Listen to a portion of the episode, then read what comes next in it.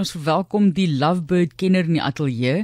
Sy naam is Prins. Hulle ken hom in die algemeen as Prins, maar dis Frederik Prins, maar hy's net Prins vir ons, okay? Hy's die eienaar van Morester Voels en ons fokus op Lovebirds of die sogenaamde dwergpapegaaie.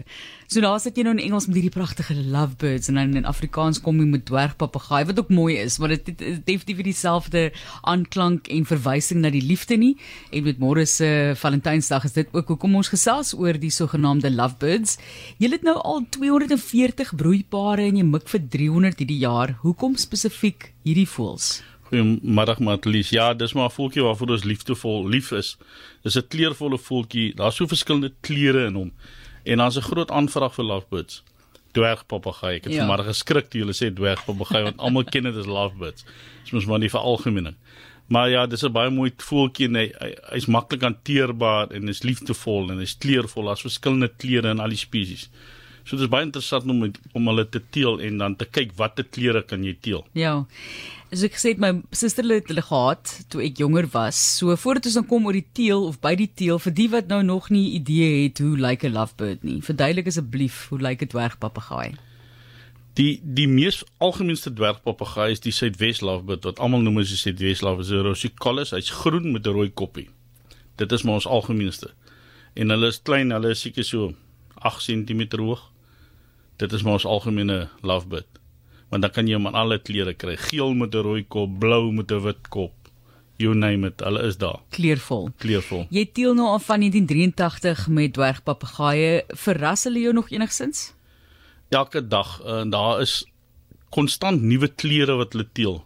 So dit is maar altyd lekker die interessantheid as 'n mens teel en jy kyk en die kleintjies is daar en jy kyk watter kleure is die kleintjies en die een kleur het 'n rooi oog en die ander kleur het 'n swart oog.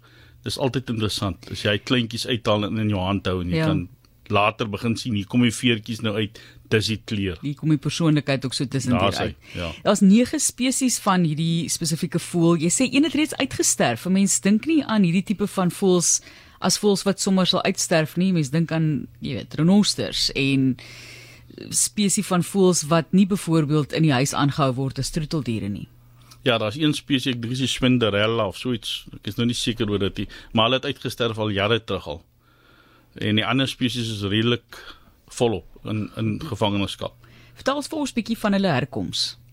Herkoms lovebirds, dwergpapegaai is meestal in Afrika, waarvan die Suidwes die Rosicollis is in Suidwes en Noord Noord-Kaap, maar die ander lovebirds is hele Afrika vol elke soort in sy eie streek.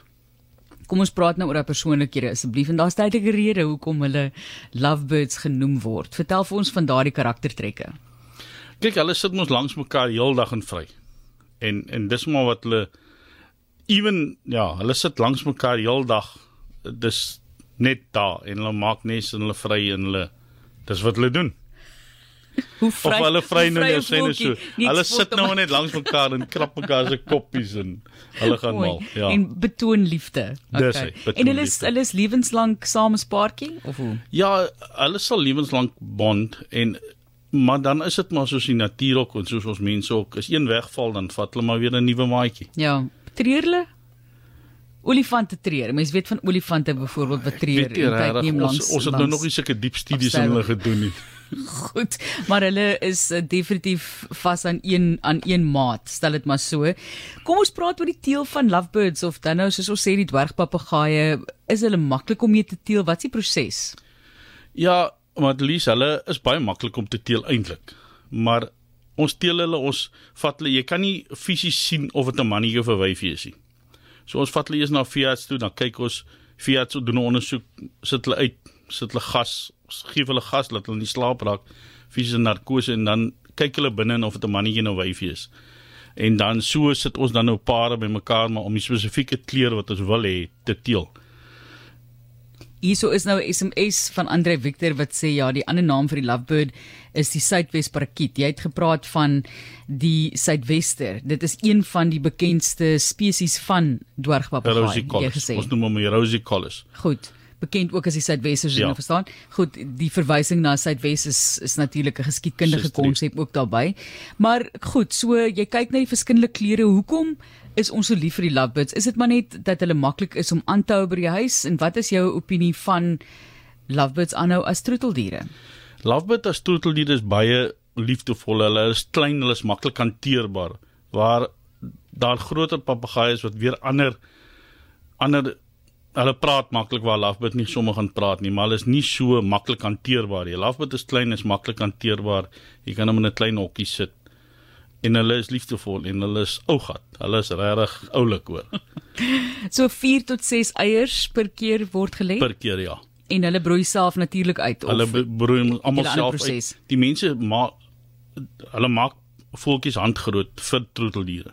Maar ek byvoorbeeld self maak geen handvol handgroot nie. Ons broei hulle almal self uit, self hulle kleintjies groot maak. moeder. Dit is Prins, soos hy bekend staan van Morester Voels en ons kyk na die dwergpapegaai en soos ek sê, ek het met hulle groot geraak, pragtige voels. En daar is natuurlik baie rigtings waarin waarheen hierdie voels gaan. So wie koop almal by jou lovebirds? Waarheen gaan van hulle ook oor see het jy gesê? Ja, kyk 90% van die voëls wat ons teel, gaan vir die uitvoermark, meeste na die Midde-Ooste toe.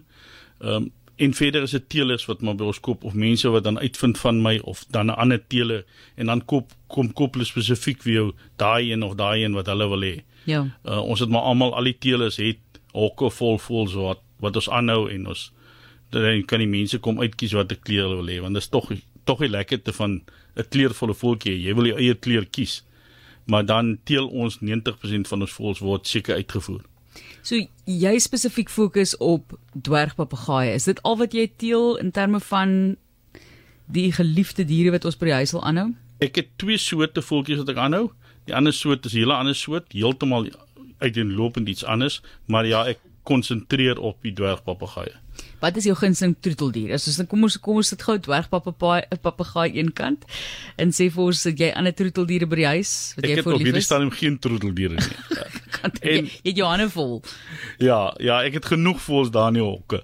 Ehm um, naweke spandeer ek maar redelik tyd daar en dit is 'n voltydse werk eintlik. Ja. So voltydse werk. Op daai noot net en ek weet dit is nie dieselfde as om nou net een paartjie aan te hou by die huis nie, maar as troeteldier, wat het hulle alles nodig want dit is nogal 'n belangrike ding om vir mense te sê hoe hoe funksioneer hulle binne die huishouding en wat moet jy alles vir hulle doen want dit is nou weer soos daai ou hondjie en elke daar staan net 'n bak kos en water en daar word nie vreeslik ander aandag gegee nie wat moet alles gedoen word om mooi na hulle te kyk Lovebirds, daar is al soveel soos honde en katte is daar soveel gesofistikeerde kossoorte.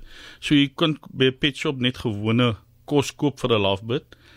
Daar's algemene soorte en dan ook skoonmaak. Bietjie groente, bietjie ja, ons pluk gras in die tuine en in boomblare en takkies en hulle vreet als en maak dan nes daarmee ook. So interessant. So hulle sê nou hoe onderskei jy nou as jy nie kan sien wat is 'n mannetjie en wat is 'n wyfie nie, hoe onderskei jy enigsins? Vra Trudy.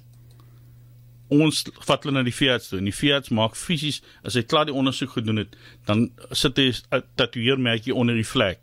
So regterkant is 'n mannetjie onder die vlek en linkerkant onder die vlek in die wy is 'n wyfie. Ja. So hulle tatoeëer hom en dan weet ons forever wat is die mannetjie en die wyfie. Goed. En dan sê iemand hier is anoniem, ek bly in Garsfontein in Pretoria. Ek is 'n voelkyker en die lovebirds is volgens die persoon 'n pes hier in ons omgewing. Iemand het hulle uit die hok laat ontsnap en hulle is nie inheems nie, sê anoniem hierso. So vir hierdie persoon 'n negatiewe ervaring met die lovebird. Lovebirds wat ontsnap kan maklike pes raak, maar die persoon moet onthou dat lovebirds wel in Namibië voorkom en uh, Noord-Kaap. Ja. So hulle hulle pas maklik by ons aan. Dit is ongelukkig maar so. Ek meen daar's soveel inheemse of spesies wat nie inheems is nie.